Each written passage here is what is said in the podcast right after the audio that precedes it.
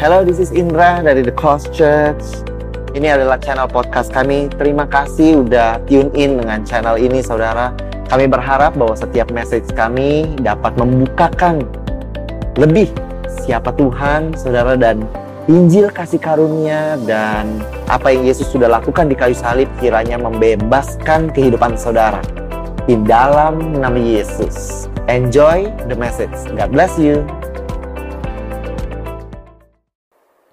The Lord loves you so much. The Lord bless you. The Lord really desire our heart. Amen. Now, saya mau bacakan dulu dari firman Tuhan di Lukas yang ke-10. Oke, okay, this is what I receive. Yang saya terima last Friday. Oke, okay? saya bacakan di Lukas yang 10. This story you already know. You already know this story. Tapi saya ingin bagikan maybe uh, I feel there is something new and fresh that God will speak to us. Ketika Yesus dan murid-muridnya dalam perjalanan, tibalah ia di sebuah kampung. Oke, okay? ini di Betania. Kenapa kita tahu ini di Betania? Karena ini adalah tempat di mana Marta, Lazarus, dan Maria hidup, saudara. Seorang perempuan yang bernama Marta menerima dia di rumahnya, menerima Yesus di rumahnya. Perempuan itu mempunyai seorang saudara yang bernama Maria. Maria ini duduk di dekat kaki Tuhan, terus mendengarkan perkataannya. Sedang Marta sibuk sekali melayani. Ia mendekati Yesus dan dia berkata, Tuhan, tidakkah engkau peduli bahwa saudaraku membiarkan aku melayani seorang diri. Suruhlah dia membantu aku. Tetapi Tuhan menjawabnya, Marta, Marta, engkau khawatir dan menyusahkan diri dengan banyak perkara. Hanya ada satu hal yang perlu. Maria telah memilih bagian yang terbaik yang tidak akan diambil daripadanya. Saya bacakan sekali lagi dalam bahasa Inggris, oke? Okay? Karena saya mau latihan bahasa Inggris. Lukas 10 ayat yang ke-38.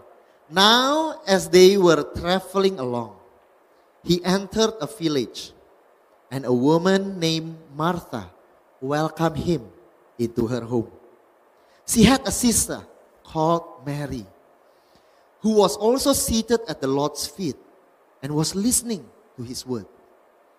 But Martha was distracted with all her preparations. And she came up to him and said, Lord, do you not care that my sister has left me to do the serving by myself? Tell her to help me. But the Lord answered and said to her, Martha, Martha, you are worried and distracted by many things but only one thing is necessary. For Mary has chosen the good part, which shall not be taken away from her. Saudara Marta itu waktu saya when the Lord leads me in this verse, I can see Martha. That Martha is a good woman, is a good girl. Saudara di ini kita baca tadi kan di Lukas 10 ayat yang ke-38. Saudara di Lukas yang pertama saudara, kalau kita baca di Lukas pertama, di permulaan pasal ini Yesus sedang mengirimkan ke 72 murid untuk menginjil. Ingat kejadiannya di Lukas 1. Kemudian pada hari itu Tuhan menunjuk 72 murid yang lain mengutus mereka berdua-berdua ke setiap kota dan tempat yang hendak dia kunjungi. Kata Yesus kepada mereka, jikalau kamu masuk ke dalam sebuah kota dan kalau kamu diterima di situ, makanlah apa yang dihidangkan kepadamu. Jadi kata Yesus kalau engkau masuk ke sebuah kota, ketika engkau dikirim menginjil, kalau kamu masuk hanya kalau ada yang menerima engkau di situ, Lalu engkau makan apa pun yang mereka hidangkan, oke? Okay? Jangan minta mau makan apa, jangan. Makan apa pun yang dihidangkan kepadamu. Amin. Saudara, kalau ke ingat ketika Yesus nggak nggak um, ada yang welcome them dan memberi mereka makan, Yesus bilang to just leave the city. Tinggalkan aja kotanya, oke? Okay? Kebaskan artinya, if the Lord does not provide, then it is not the time. When we do something, when it, the Lord has not provide, do not be stressed. Just go out of that opportunity. It might not be the time. So we can be relaxed. Tapi saudara, Yesus bilang, tapi di tempat-tempat yang baik, saudara, akan ada orang-orang yang menerima kamu. Di situ kamu makan dan di situ kamu menginjil, kamu sembuhkan orang sakit, kamu katakan kepada mereka kerajaan Allah sudah dekat kepadamu. Kita lihat kembali um, di, dimulai dari pasal ini, dari kejadian ini lalu datanglah Yesus ke Betania, saudara, ke kampung di mana Marta dan Maria dan Lazarus. Next, ini yang dikatakan kepada dalam firman Tuhan. Now, as they were traveling along, Lukas 10:38, he entered a village and a woman named Martha welcomed him into her home. Next bahasa Indonesianya saudara, takut saudara nggak mengerti. Seorang perempuan yang bernama Marta, I'm just joking ya. Semua se seorang perempuan yang bernama Marta menerima dia. Saudara tadi dimulai ceritanya bahwa ketika engkau masuk sebuah village, saudara tunggu ada yang menerima. Dan waktu Yesus masuk ke Betania, tahu gak siapa yang menerima dia? Marta menerima dia.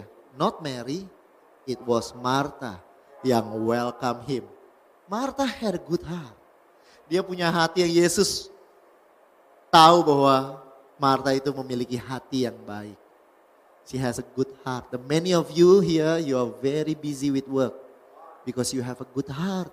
You want to support your uh, your child. You want some of you you want to support your parents. You have a good heart. Uh, yang ministering di tempat ini have a good heart. You guys come in the morning, tadi pagi jam jam 7 pagi udah bangun pasti. Jam 7 pagi udah bangun saudara, while we are all asleep saudara. Because he has a good heart. Dan Marta pada saat itu yang menerima Yesus ketika dia datang ke kota itu. Oh Yesus catat ini. Karena this is not all about Mary. Because Jesus wanna know, uh, wanna wanna tell Martha, I recognize bahwa it was Martha. Take note that receive me, yang menerima aku. Lalu dia sih, lalu kenapa waktu Marta mempersiapkan apa? Makanan, diakonos. Oke dia sedang mempersiapkan makanan karena Yesus kan kalau pergi ya kan, selalu bawa 12 orang ya kan. Rame juga ya kan. Jadi dia siapinnya of course sibuk karena ramai saudara. Jadi dia sibuk, dia marah. Lalu kenapa Yesus uh, mengkoreksi Marta? Saudara pertama Yesus mengkoreksi dengan cara demikian. Dia berkata, The Lord said to her, Martha, Martha, why are you worried? You are so worried and distracted by many things dengan banyak hal. Saudara perhatikan. Ketika um, sebuah nama di dalam firman Tuhan panggilannya disebut dua kali, it's a term of endearment, sebuah kasih. Contohnya Yerusalem, Yerusalem. Betapa aku ingin mengumpulkan engkau seperti induk ayam mengumpulkan anak-anaknya. Oke? Abraham, Abraham, jangan kau bunuh anak itu. Aku udah menyediakan sesuatu, se sebuah persembahan untuk kamu. Oke, so when when the Lord speak her name twice, enggak seperti ini. Si Marta, Marta, enggak, enggak, enggak kayak gitu ya. Ah, Marta, Marta gitu ya. Ah. That's how I would speak. Ah, Marta, Marta. Ah, ciu, ciu gitu kan. It's not like that. Tapi the Lord says, Marta, Marta. It's because He loves Martha. Dia sayang sama Martha. Dia bilang, you're worried and distracted by many things. Asik gak tandanya di sini? Tambah lama tambah jelas ya kan? Lama-lama saya begini. Mainkan mainkan.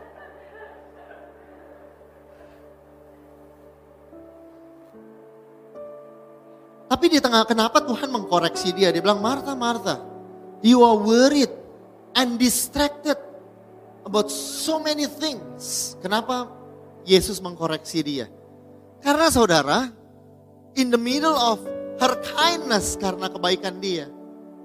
Karena dia siapin makan banyak saudara banyak preparation. Artinya yang dia siapin tuh banyak saudara. Di tengah-tengah itu saudara si missed it. She missed it saudara. What did she miss? Saudara you might ask. Saya bacakan saudara. Dia kehilangan sesuatu saudara. Inti daripada kejadian kehidupan ini saudara. Di Lukas 10 ayat yang ke-39 saudara. She had a sister called Mary who was also seated at the Lord's feet and was listening to his word.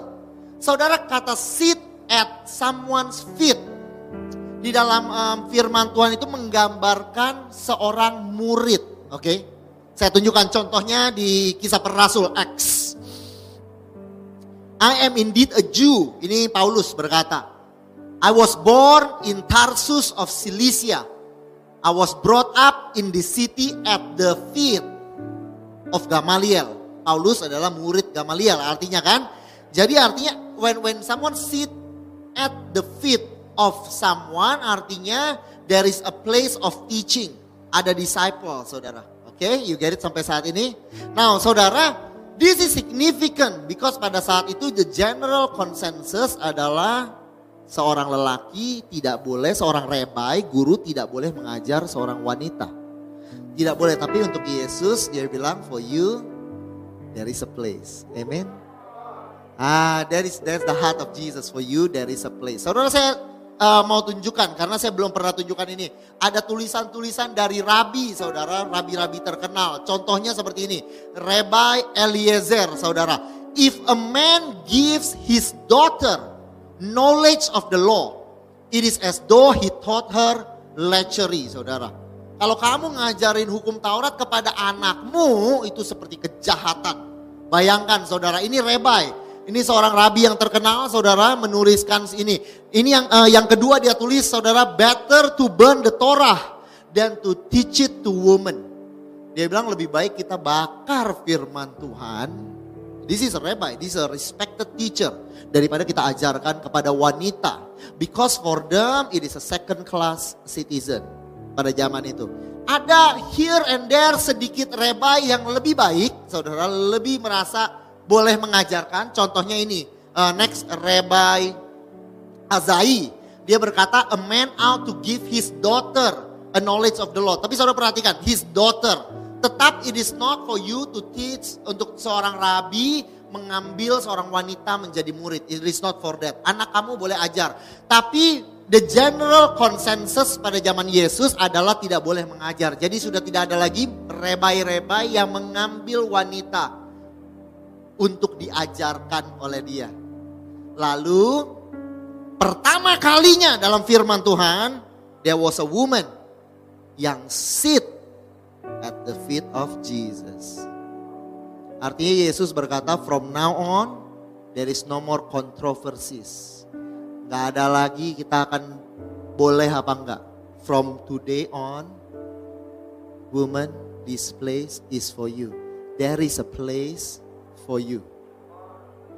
It was a his. Boleh kita beri kemuliaan kepada Tuhan. I feel like it was a historical moment. There was no woman yang dikatakan sit at the feet of Gamaliel. No, no, no. Tapi dikatakan Mary sat at the feet of Jesus. Artinya Yesus berkata, from now on there is no more male or female in Christ Jesus. That was the significant moment yang terjadi pada saat itu saudara. So it is an important moment. Dan ketika Tuhan berkata demikian, Mary has chosen a good part. Next slide. And this part shall not be taken away from her. This her is not only her. It is not only about Mary. Yes, it is about Mary. But it is far more significant. Tuhan berkata bahwa Mary has chosen this good portion. But this portion shall not, shall never be taken away from her. Her is not just Mary. Mary is just a symbol, saudara. Pada saat itu, saudara Yesus berkata bahwa from now on, this part will never be taken away from you. This part will never be taken away from you. This part will never be taken away from you. This is yours now. Amen. No one will take it away.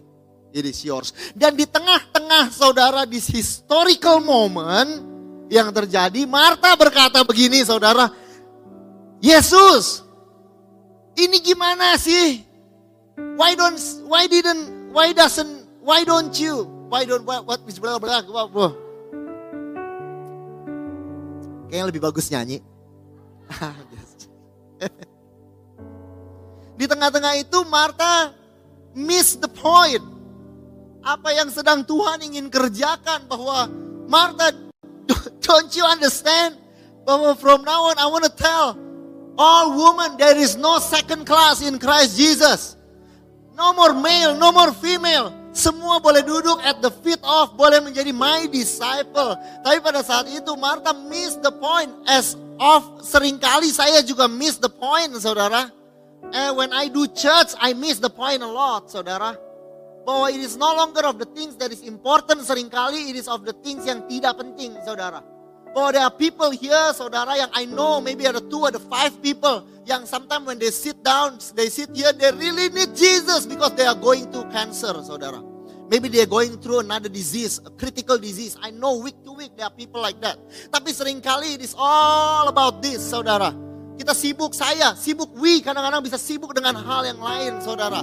Dengan siapa yang beli risol di depan. And we are so burdened of there are so many things we need to do and we miss sometimes the things that God is doing. Tapi understandable saudara karena Marta saudara sudah terbiasa mempersiapkan makanan ketika ada seorang reba yang mengajarkan laki-laki. It was her role. Sometimes we are so stuck in the old things saudara. When the Lord usher new things saudara.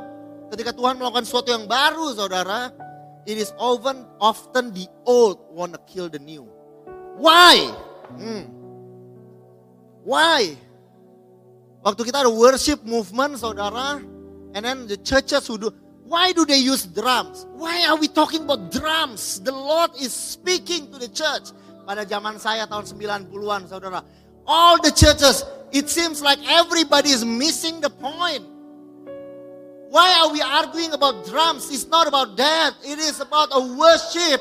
It is about intimacy that God is bringing. Tapi saudara we can't help it bahwa Marta dia kembali ke dapur dan dia bilang why Mary does not help me Lord. Kenapa Maria nggak bantu saya? And she missed the point of something great yang Tuhan sedang kerjakan di, pada hari itu saudara.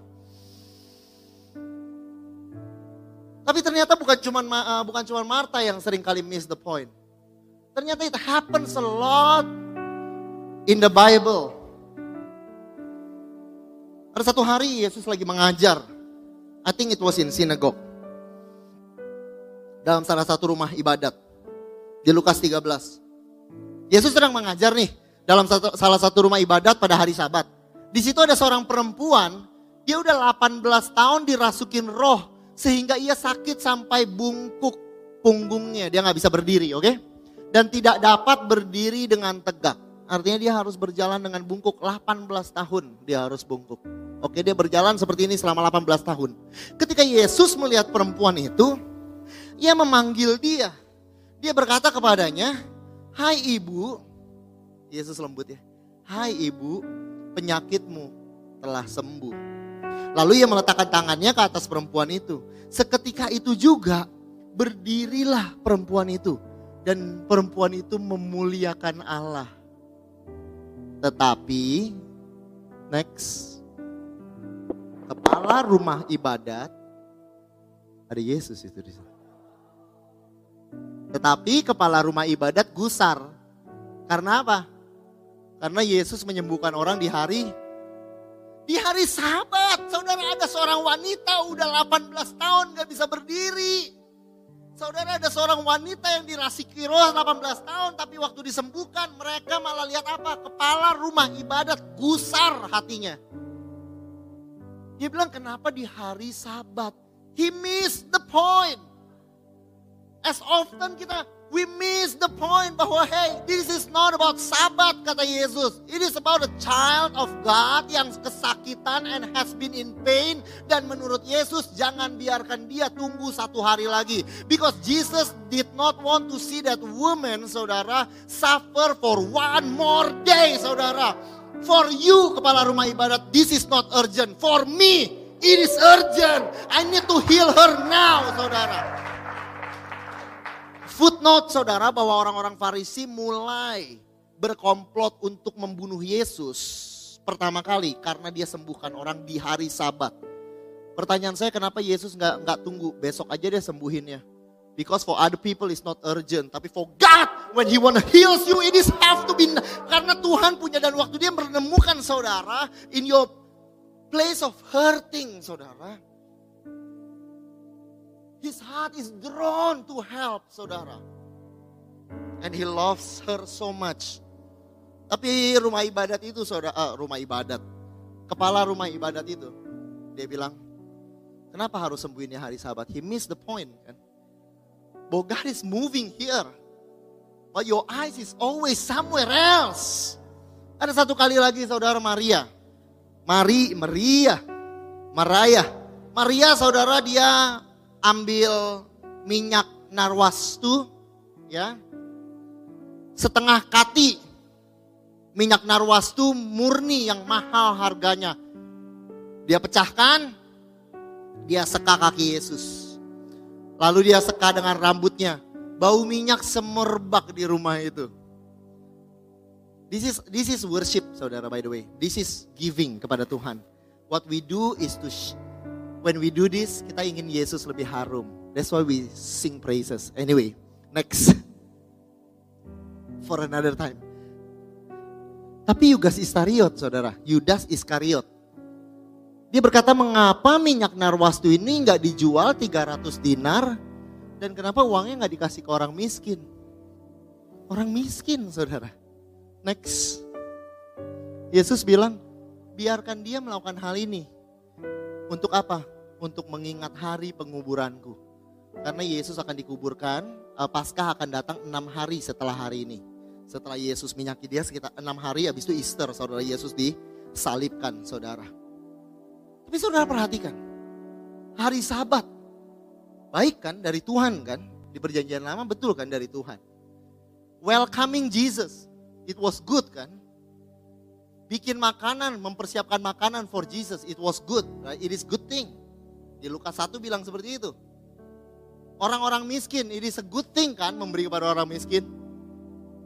Seringkali yang buat kita tenggelam dan kita kehilangan apa yang Tuhan sedang mau kerjakan. Seringkali kita kehilangan the heart of God, saudara. Not because of bad things. Tapi because of all the good things, saudara, yang drowning us sampai we miss the point, saudara bahwa it is our scheduling for ministry yang sering kali membuat kita melupakan kenikmatan mengalami Tuhan di gereja. Bahwa it is sometimes saudara all the complexity in life. Bahwa sering kali saudara is our work. We want so many things. We desire it's for our kids but it is for our parents. But it is for the poor but it is for it is for many things. Bahkan it is for God tapi sering kali kita melakukan banyak hal itu and we miss God himself. In the middle of all that we can miss God himself. God's heart. Kadang-kadang saya nggak ngerti. Saya nggak dapat hati Tuhan. And then we are tired. This is the sign. And, we, and then we feel unappreciated seperti Martha. And then we feel alone. And then we have a lot of unmet expectation. When we miss the substance, when we miss the point, when we miss the heartbeat of God, kita bisa lakukan banyak dan kita bisa kelelahan. It is why for husband or wife di sini yang bekerja keras, when you feel just you just want to be angry with your spouse, Seringkali is because we miss the point. Because there's something yang kita nggak lihat. Marta frustrated. Dia bilang ini Maria nggak bantu-bantu. Benar-benar.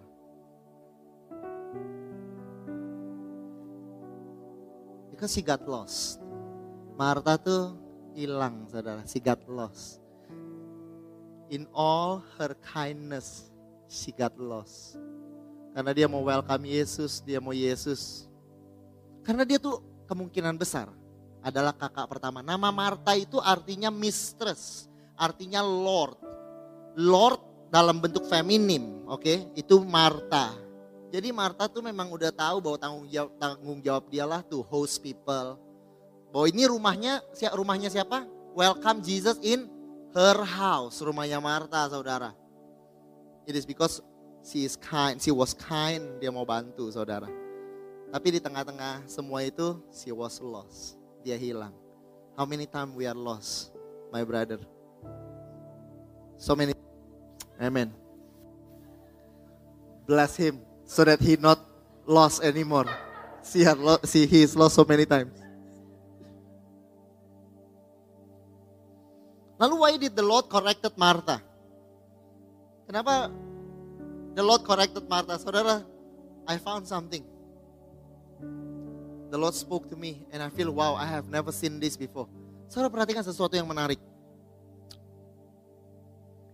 She had a sister called Mary. Diamkan slide-nya di sini sesaat. Who was also seated at the Lord's feet. Dalam bahasa Greeknya ada also juga saudara. Kai saudara. Oke. Okay? She had a sister called Mary who was also seated at the Lord's feet and was listening to his word. Diamkan slide-nya di sini. Jadi saudara ternyata waktu pertama Martha welcome her, welcome Jesus Lalu dia juga duduk di bawah kaki Yesus. Because she had a sister called Mary who was also seated at the Lord's feet. Jadi saudara Marta, saudara most likely, saudara dia juga sedang duduk di bawah kaki Yesus. Bahwa pertamanya she understood what was important, saudara. Tapi karena siapa lagi kalau bukan dia yang kerjain? Seringkali kan gitu, kalau bukan dia siapa lagi? Anak pertama, ya kan? Akhirnya dia, akhirnya dia apa? Dia was pulled away. Dia drawn away, saudara. Next, waktu Yesus bilang distracted, pau artinya to draw away, to be drawn away. Jadi she was there, Lalu dia ketarik dan dia harus mengerjakan hal-hal yang lain agar untuk apa? Agar untuk menyenangkan Tuhan, saudara. Tapi si started there. Jadi saudara ketika Yesus berkata, Marta, Marta. Why are you worried and distracted? Why are you being pulled away? Jesus wants you to be here too. Tuhan juga ingin Marta, saudara, enggak distracted, not being drawn away He wanted Martha here bahwa this place is not only for Mary. Bahwa this good part gak akan be taken away from her. But if you want to understand Martha bahwa this part is yours too. Bahwa ini juga milik engkau. When you sit here with your sister Mary, I was happy. That was the place that God wanted. Lalu engkau was put away, Martha, Martha, why are you worried are being drawn away? This is your place. Two. A place of intimacy is your place too. Not only of serving. Mary, Mary, Mary. Mary, Mary, Mary. Everything is about Mary. Tapi saudara saya mau kasih tahu. Waktu Lazarus dicerita Lazarus meninggal. Dengan sengaja the Holy Spirit tuliskan ayat ini. Next, Yohanes 11. Now Jesus loved Martha and his sister. Sengaja nggak ditulis. And Lazarus. Biarkan slide-nya di sini sebentar. Because Jesus want to tell Martha, Oh, I see you. This is not about Mary per se. It's not about Mary bahwa I love you. When I call your name twice, it is because I want you to come back. It is because this portion is yours too. Now Jesus loved Martha. Amen. Amen. Now Jesus loved Martha. And for us who are so busy with life, who are trying to support our parents, our child, our children, our wife, our family, our work, our employees, who for us who are trying to support others, to be a console, comfort to others. I want to tell you bahwa Yesus nggak sedang marah bahwa tapi Jesus want to tell you bahwa Jesus love you too. And this place is for you too. And when he correct you, he correct because he love you much. And because he love you. And because you, dia mau saudara tahu bahwa your place is not to be enslaved. You are slave no more. Di dalam the old religion. But now you are son and daughter. Not only sons, you are sons and daughter. And there is a place for you at my feet. Hallelujah. Whew.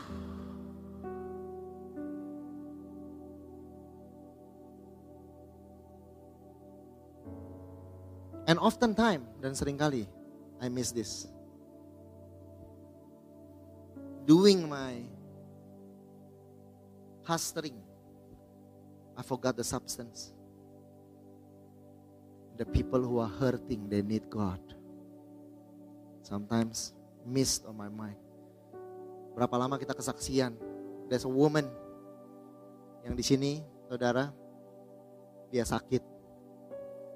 Dia bilang bahwa si thought God hated her. Membenci dia. God hated me karena dia sakit lama, saudara. Dia merasa bahwa Tuhan benci sama dia. Di Fear No More waktu in one of the preaching, when I preach, dia bilang for from that moment dia tahu bahwa Tuhan gak benci saya. That I am loved. And I am loved. And then God guide her. And a healing happens. In the name of Jesus. But then I listen to that. Hallelujah. And then I go on about sibuk siapa yang beli risol. Siapa yang beli risol minggu ini? Siapa yang beli risol Rizka minggu ini? And I'm tired. And I feel alone sometimes. Unappreciated kita semua kadang-kadang. And we forgot the things that God is doing. There is a person yang has been depressed for so many, so long. When he told me that I'm set free. I mean that's good. Move on. Yang beli makanan minggu ini siapa? We are so encumbered by many things. Begitu banyak. We are working so hard.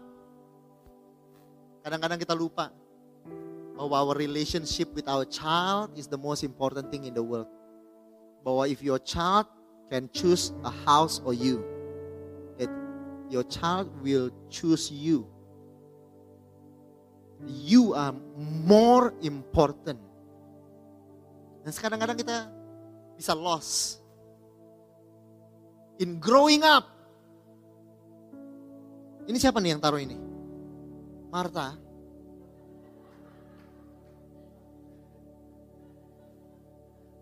Marta, Marta.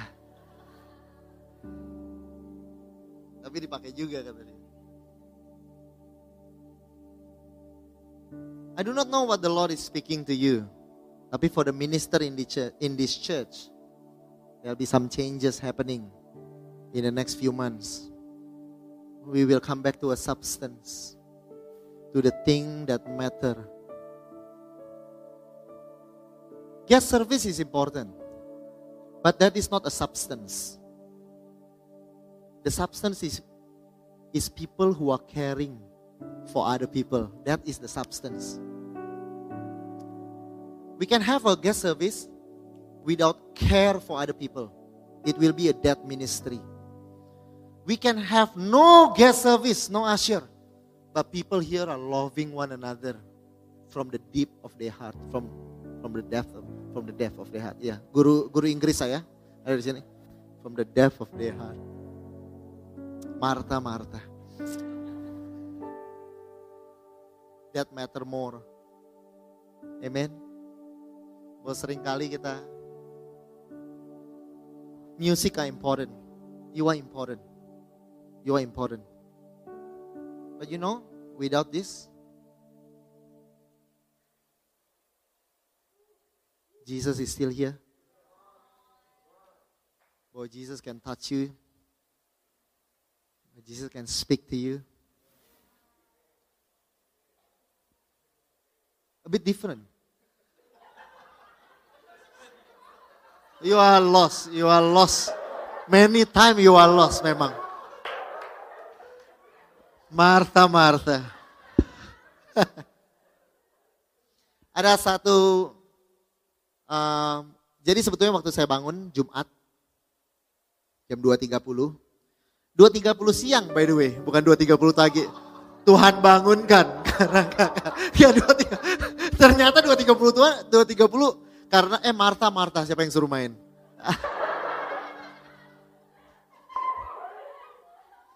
Sebentar lagi. Kamu sini duduk bawa kaki saya. Kalau kata si Rizka katanya nanti saya mau membasuh kepalamu dengan kakiku ya. Amin. Tadi ngomong apa? Oh jadi ada seorang pe, penulis lagu yang bernama Matt Radman. Saudara mungkin tahu. 10,000 Reason dia yang tulis. Salah satu lagu yang dia tulis adalah When the Music Fades. Bukan, judulnya Heart of Worship, sorry. Judulnya Heart of Worship. Lagunya seperti ini. When the music fades, all is stripped away. And I simply come, longing just to bring something that's of worth that will bless your heart. Ya kan? I bring you more than a song, for a song in itself is not what you have desired. You search much deeper within through the way things appear. You're looking into my heart. I'm coming back. Lebih hafal ini daripada ayat Alkitab ya.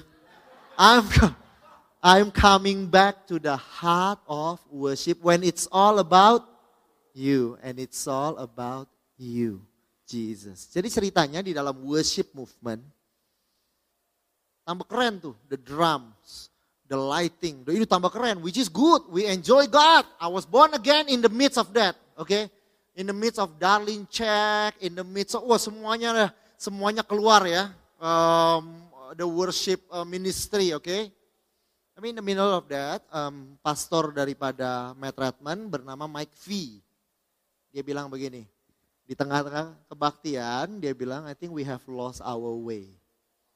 I think for now, saya merasa bahwa it is all about music, and it's all about the drums and the guitar, and everything else. Dia bilang, mulai minggu depan, I will take away all the sound system. Jadi pastornya copotin semua, dicabut semua sound system, and there is nothing else. Matt Redman di situ harus memimpin worship. He didn't know, he didn't know how to sing. Tapi pada saat itu dia bilang, in the middle of that I sing, a cappella. Lalu dia nyanyikan lagu, and the people started to sing. And then dia bilang, there was a beautiful presence that the Lord tidak ikutan pindah bersama dengan sound system. But the Lord is still there because the substance of worship is your heart and God. Amen. Jos.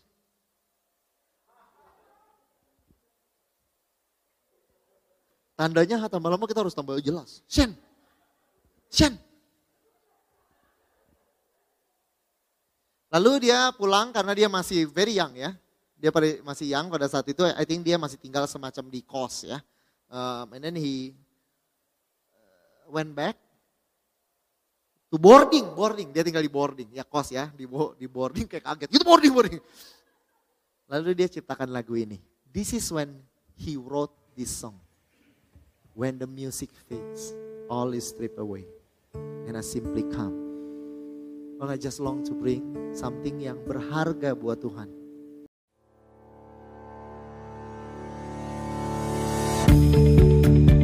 Terima kasih lagi sudah mendengarkan episode ini saudara dari podcast ini. Thank you so much saudara. Saya berharap bahwa Injil kasih karunia dan apa yang Yesus sudah lakukan bisa membebaskan kehidupanmu saudara. Kalau saudara diberkati, saya mengundang saudara untuk share saudara um, sermon ini baik secara pribadi pada your friends and your family saudara atau you can screenshot dan kau bisa bagikan kepada sosial media saudara dan jadilah terang saudara. I hope um, message ini melalui saudara bisa memberkati lebih banyak orang lagi. Dan kalau saudara diberkati, saya mengundang saudara untuk subscribe kepada channel podcast ini. Again, I want to thank you. Berterima kasih kalau saudara mendengarkan dan mengizinkan dirimu diberkati dari apa yang kami lakukan. Terima kasih, Tuhan berkati. God bless you and bless you and bless you again. In Jesus' name. Amen.